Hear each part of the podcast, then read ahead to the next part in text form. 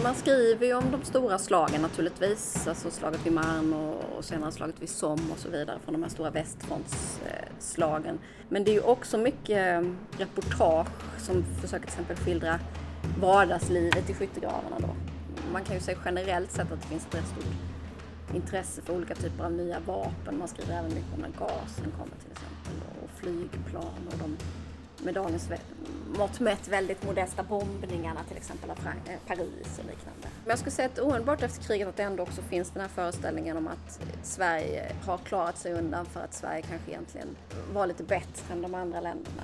Hur skildrades första världskriget i svensk press?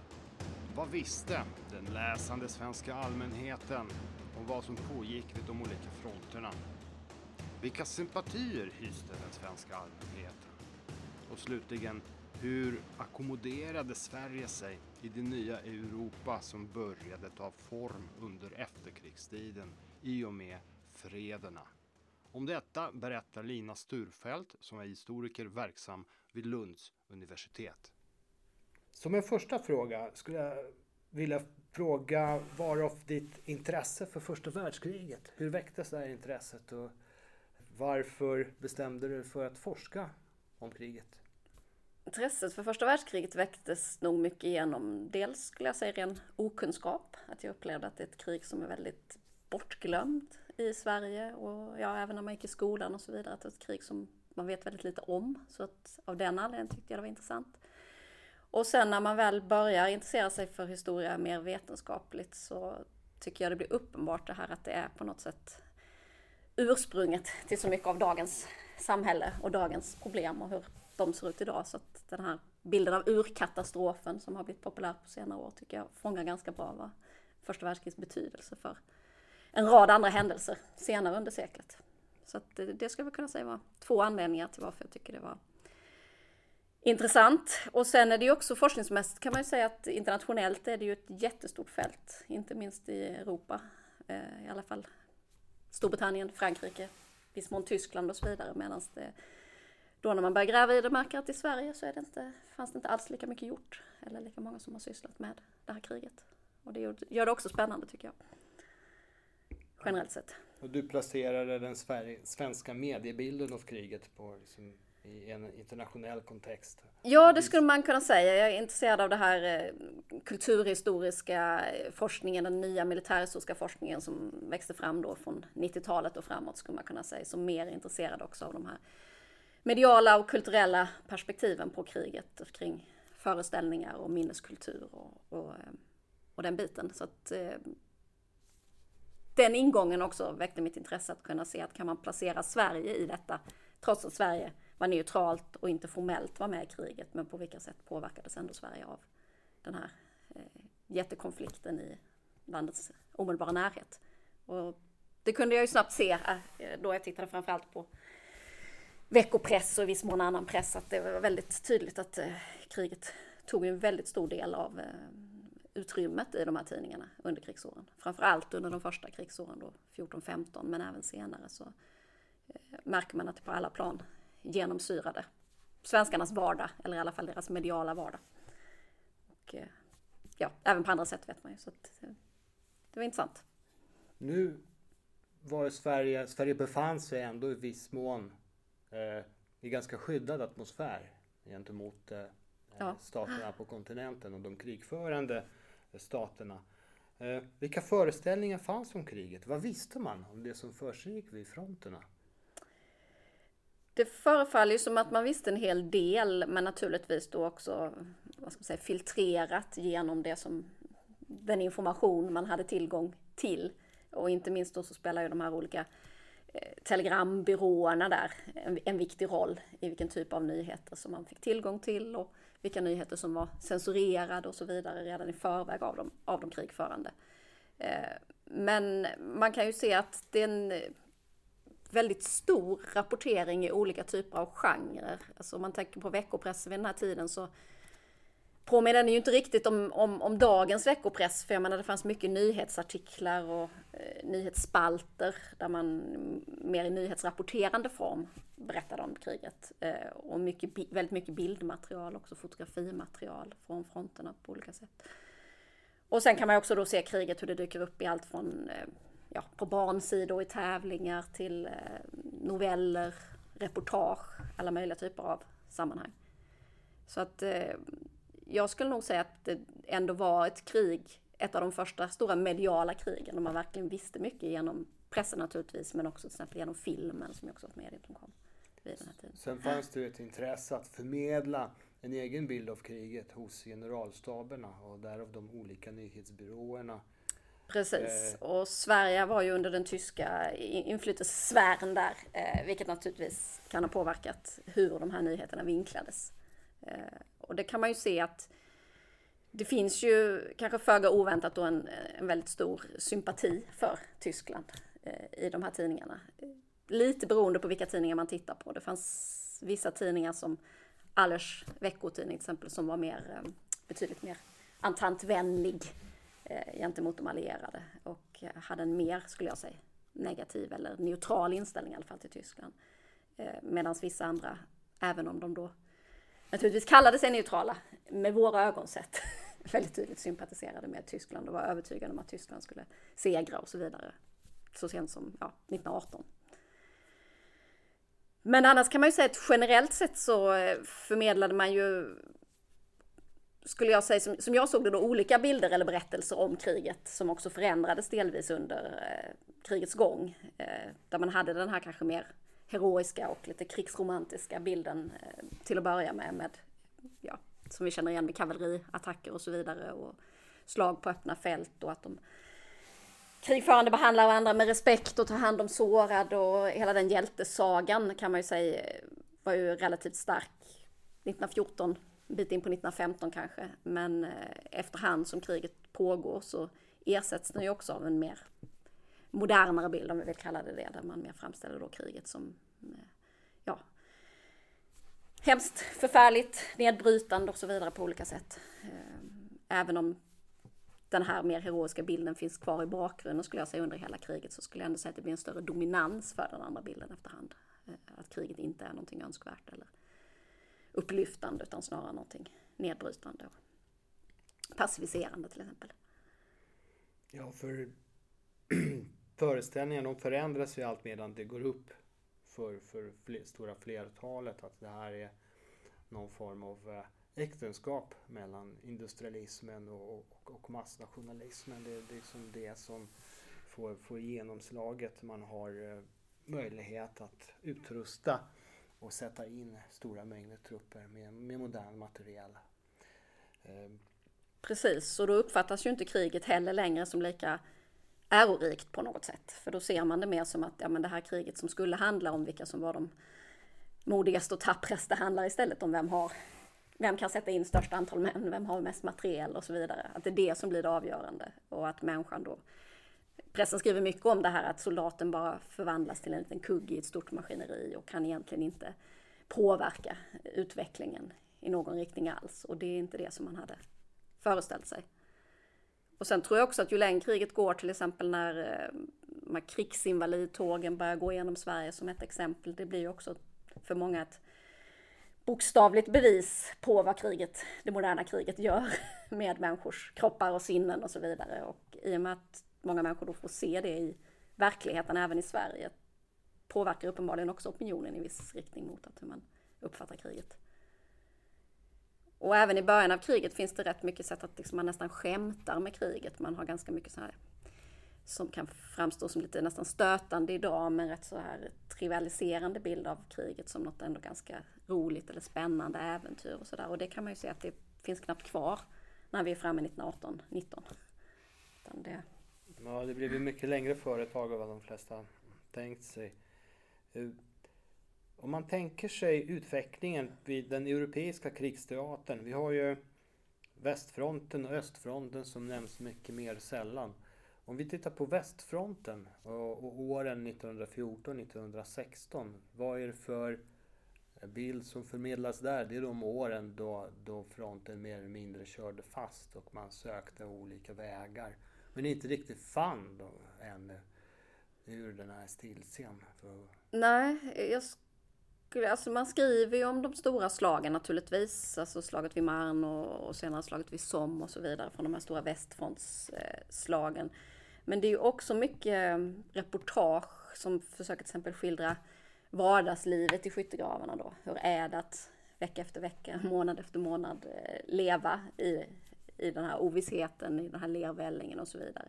Eh, och eh, en del av dem lyfter också fram det här som kanske ändå på, på ett lite liksom komiskt eller, eller lustigt vis. Eh, men man kan ju också säga att det hela tiden finns det här stora intresset för västfronten redan då. Det är västfronten som de allra flesta bildreportagen och, och de allra flesta, eh, ja reportagen framförallt skulle jag säga, handlar om. Eh, Medan östfronten då är betydligt sparsammare behandlat eh, under hela kriget. Och på samma sätt skulle jag också säga att det är ja, England, Tyskland, Frankrike som är huvudpersonerna i den svenska pressen i det här kriget. Medan till exempel Ryssland och andra makter får mycket mindre Österrike, Ungern, Turkiet, Osmanska väldet, inget sån här... Nej, inte jämfört med de andra skulle jag säga. Så, så får det inte alls lika mycket uppmärksamhet eh, av någon anledning. Så att eh, det verkar sätta sig ganska snabbt att det är liksom västfronten som blir sinnebilden för det här kriget.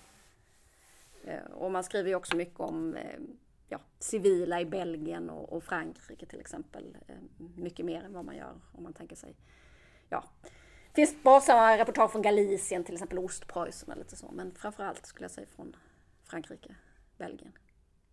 Så någon form av obalans som vi har levt med sedan dess i princip, ja. säger jag som är född och uppvuxen i Warszawa. Absolut, en kvarvarande obalans.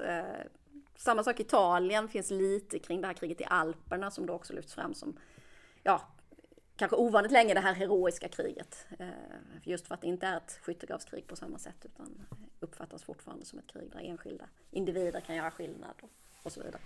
Och i en vacker miljö, inte i... i en vacker och dramatisk miljö. Ja. Jag, jag, gissar på att det är också att man på något sätt så, så, så zoomar man in på de folk som man känner någon form av civila, civil, någon form av samhörighet och kulturell närhet med. Och det, det, det gör man inte rimligen med polacker och litauer och Nej. ukrainare och ryssar. Precis, det är några undantag då. Ja, Marika Stiernstedt till exempel som hade polska släktingar och så vidare försöker lyfta Polens sak som ett exempel i lite olika kampanjer i Idun till exempel. Men annars är ju Ryssland är ju mer den andra, eller hur man ska uttrycka det i en svensk kontext. Så det handlade ju mer om, i början av kriget, hotet från Ryssland och hur ser det ut och är det reellt eller är det inte reellt? Och sedan ska man, kan man väl snarare säga att i pressen blir Ryssland, ja, eller kriget blir snarare ett bevis på att Ryssland inte alls var ett så stort hot som man hade trott. Utan att det snarare då är reportage om hur ja, den ryska armén faller sönder inför tyskarnas framfart och så vidare. Och hur dåligt utrustade de är och hur eh, dålig moral de har och så vidare. Så att eh, där får Ryssland snarare spela, spela den rollen så att säga för att kanske lugna den svenska publiken eller något liknande. Skulle man kunna tänka sig. Men eh, det är sant att det är mycket mer fokus på de folk som man kan förvänta sig att den här läsekretsen har någon form av närmare relation till. Och framförallt då tyskarna. Jag är nyfiken på 1917. Det sker ju ett eh, par stycken, flera slag som markerar övergång till, säg, i viss mån ny tidsålder. Med, med mer mekaniserat eh, eh, tillvägagångssätt med infiltrationstaktik. Jag tänker på tyskarna Riga 1917, så Caporetto likaså och så Cambrai, det massiva brittiska anfallet med stridsvagnar och, och artilleri. Eh, hur får det här, om alls faktiskt, uppmärksammas det här som, som någonting som står ut eller eh, är det ytterligare bara slag i raden av många? Stridsvagnarna kan man ju säga att väcker stor uppmärksamhet. De, eller tanksen som de kallade det fortfarande vid den här tiden. De eh, skrivs det mycket om och finns också mycket bilder av och så vidare. Man kan ju säga generellt sett att det finns ett rätt stort intresse för olika typer av nya vapen. Man skriver även mycket om när gasen kommer till exempel och flygplan och de med dagens mått mätt väldigt modesta bombningarna till exempel av eh, Paris och liknande får också stor uppmärksamhet. Så det finns ju ett väldigt intresse, ubåtar, ja alla den här typen av eh, vapen som vi förknippar med första världskriget nu. De skrivs det ju väldigt mycket om. Och eh, framförallt stridsvagnarna då och mycket spekulation om kommer de här att avgöra kriget till exempel nu när eh, har fått det här vapnet som inte tyskarna har och så vidare. Däremot har jag till exempel inte sett någonting om det här du nämner med Riga och liksom andra typer av krigföring och så. Det kanske finns i mer eh, militära publikationer eller någonting, att man plockar upp det där. Men inte precis i den här bredare veckopressen, att man skriver så mycket om det. Eh, men det finns ju en, eh, som jag sa innan, en tydlig uppfattning där tycker jag om att kriget har blivit mer mekaniserat och mer eh, maskinellt. Och i det ingår ju inte bara vapnen utan också till exempel ett stort intresse för ja, olika typer av konstgjorda lemmar och liknande som man kan förse soldater med som har förlorat armar och ben och hur man ska reparera delar av ansikten och allt den här typen av mer eh, nästan cyborgs liknande diskussioner ibland. Mm. Mm. Så en fascination för teknik upphör ja. inte. Snarare tvärtom.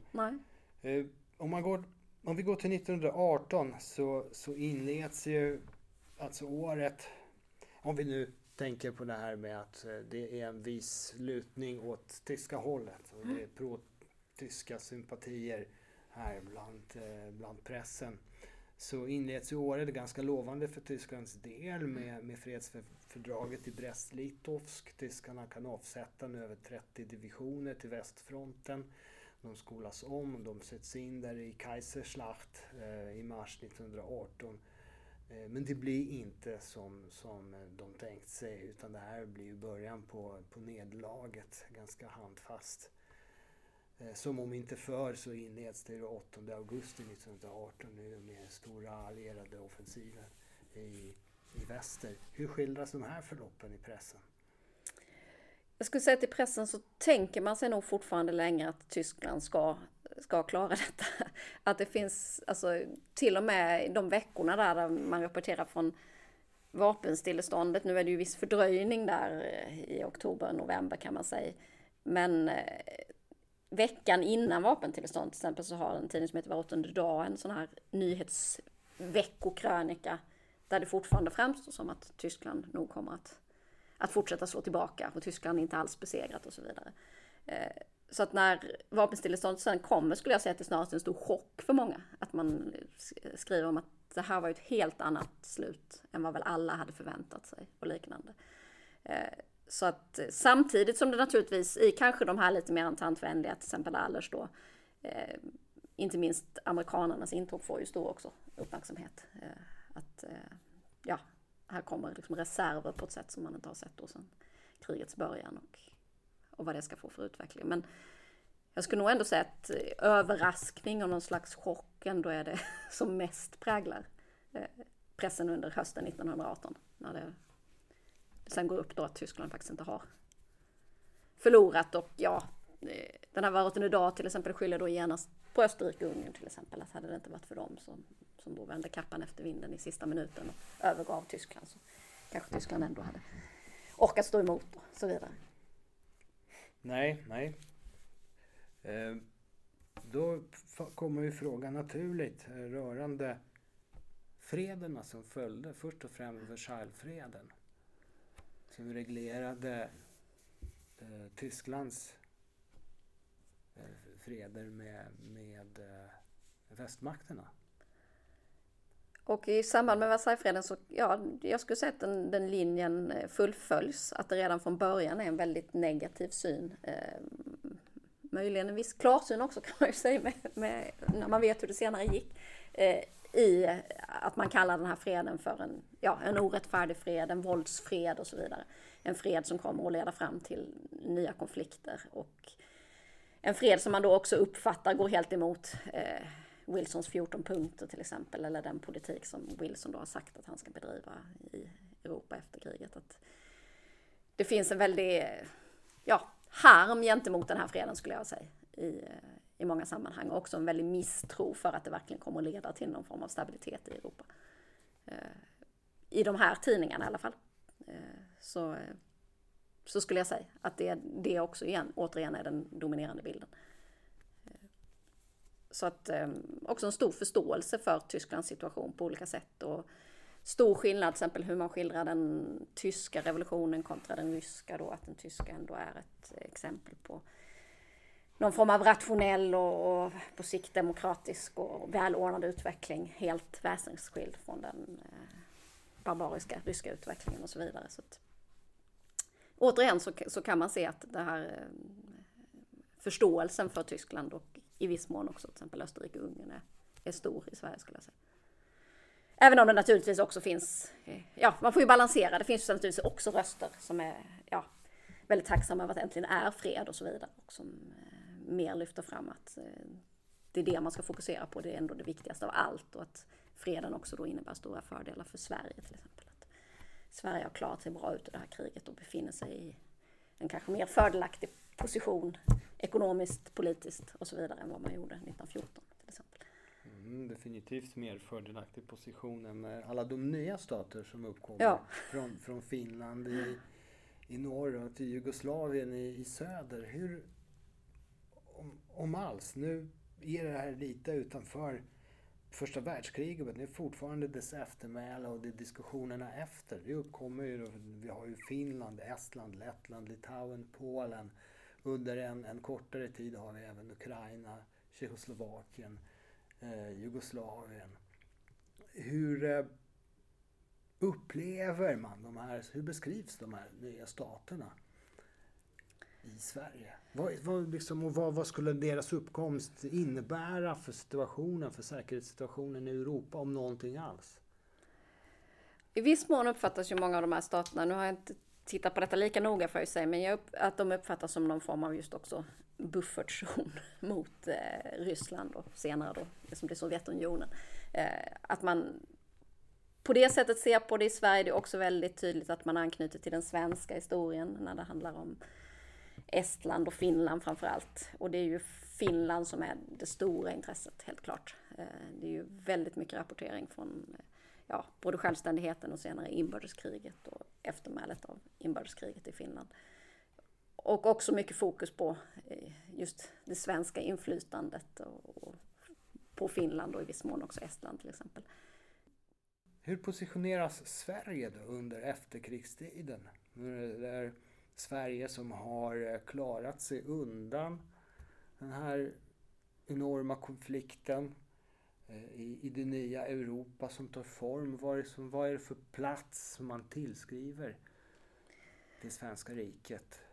Där ser det ju lite olika ut eh, vid lite olika tidpunkter. Men jag skulle säga att omedelbart efter kriget att det ändå också finns den här föreställningen om att Sverige har klarat sig undan för att Sverige kanske egentligen eh, var lite bättre än de andra länderna i Europa. Alltså i en ganska så självgod bild skulle man väl kunna säga av eh, ett Sverige som eh, tack vare en klok politik och att man hållit sig sansad och så vidare som man säger och feberfri och den här typen av metaforer som man använder eh, så har Sverige då lyckats stå utanför konflikten och därför har Sverige då också, tycker många, en specifik uppgift att fylla i det här nya Europa och det är just att lära Europa, ja, till exempel eh, hur man bygger ett rättssamhälle, hur man bygger en fredlig samvaro, hur man samarbetar och så vidare. Så att eh, man uppfattar mycket att eh, Sverige skulle kunna vara någon slags, ja, kanske lärare skulle man kunna säga till många av de här nya och även de gamla europeiska länderna då som tidigare man har uppfattat som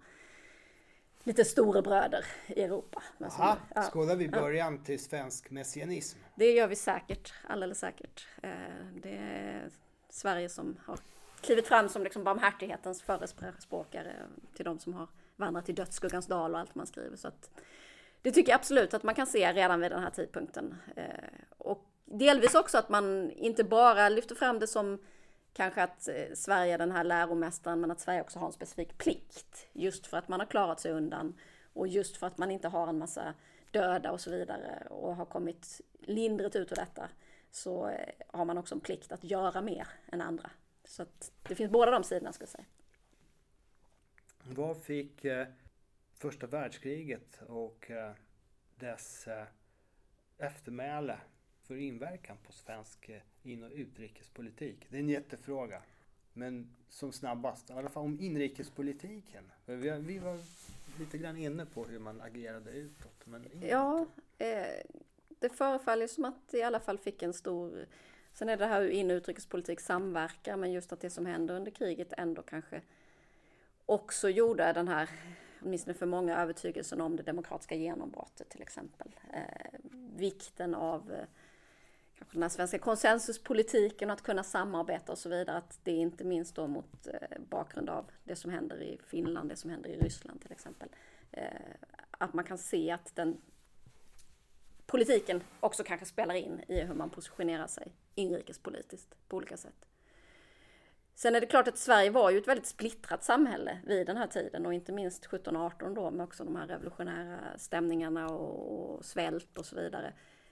Men där är ju inte, kan man ju inte säga att veckopressen är källan för att hitta den typen av diskussioner. Där är det mer fokus på konsensus och sammanhållning och eh, vi ska fixa det här tillsammans. Eh, Sverige är ett land där man hjälps åt och så vidare. Alla sätter potatis och alla får det bra. Alltså så att det kanske inte riktigt är den typen av ja, av historisk källa där man hittar någonting mer kring de här stora konflikterna i samhället som samtidigt finns. Utan att det är mer fokus på gemenskapsbyggande på något sätt. Så att eh, det man kan se inrikespolitiskt är väl kanske att det blir en mer, så som det framstår, en mer, eh, ja, att man lite vänder sig inåt också på något sätt. Jag sa just det här att man på ett sätt ser sig som en humanitär stormakt i ett framtida Europa och de som ska kunna hjälpa till och så vidare. Men det leder ju också kan man säga till en större kanske tilltro till att Sverige faktiskt kan klara sig själv i perioder av kris. Eh, att man ja, har den typ av produktion som krävs till exempel för att klara sig själv och så vidare. Så att på ett sätt kan man ju säga att kriget också, lite paradoxalt då blir det jämfört med vad jag sa innan, men också skapar någon slags eh, distans till Europa. Att eh, vi är annorlunda från Europa. Vi har inte haft den här erfarenheten som så många andra europeer har haft. Eh, det är vi och Norge och Danmark kanske och några till som har stått utanför det här. Så att det också blir någon slags lite nordisk exceptionalism eller vad man kallar det i relation till kriget. Så att det det kanske är svårare att se den här inrikespolitiska kopplingen skulle jag säga i pressen nästan än vad det är att se den utrikespolitiska av någon anledning. Men eh, sen så, eh, så tror jag ju generellt att det här kriget också fortsatt att påverka eh, om man tänker folks föreställningar och så på ett sätt som vi kanske har glömt bort idag eller som man inte har tänkt på idag för att andra världskriget på så många sätt har kommit att över, överskugga det första världskriget. Men man kan ju se att första världskriget är en referenspunkt i, i litteraturen, i filmen och så under eh, hela mellankrigstiden. Och där finns ju också den här eh, diskussionen då om, om Sveriges roll och vad innebär det att ha varit neutral och vad innebär det att ha ja, också gått miste om första världskriget i positiv bemärkelse men kanske också i någon mån negativ. För att ja, man saknar den här erfarenheten helt enkelt. Vi tackar Lina som är lektor i mänskliga rättigheter vid Lunds universitet. I år är det 40 år sedan Sovjetunionen invaderade Afghanistan. Det uppmärksammar vi genom att Marcus Göransson, en kollega, kommer och berättar om sin forskning om tajikiska Afghanistan-veteraner. Ni kan följa oss på Soundcloud eller en annan plattform och då blir ni varskoda i tid om alla nya poddar. I höst kommer vi att uppmärksamma en mängd årsdagar, militärhistoriskt tunga sådana, med början i september. Tills dess får ni njuta dessa sommarpoddar som vi har att erbjuda. Adjö och arrivederci.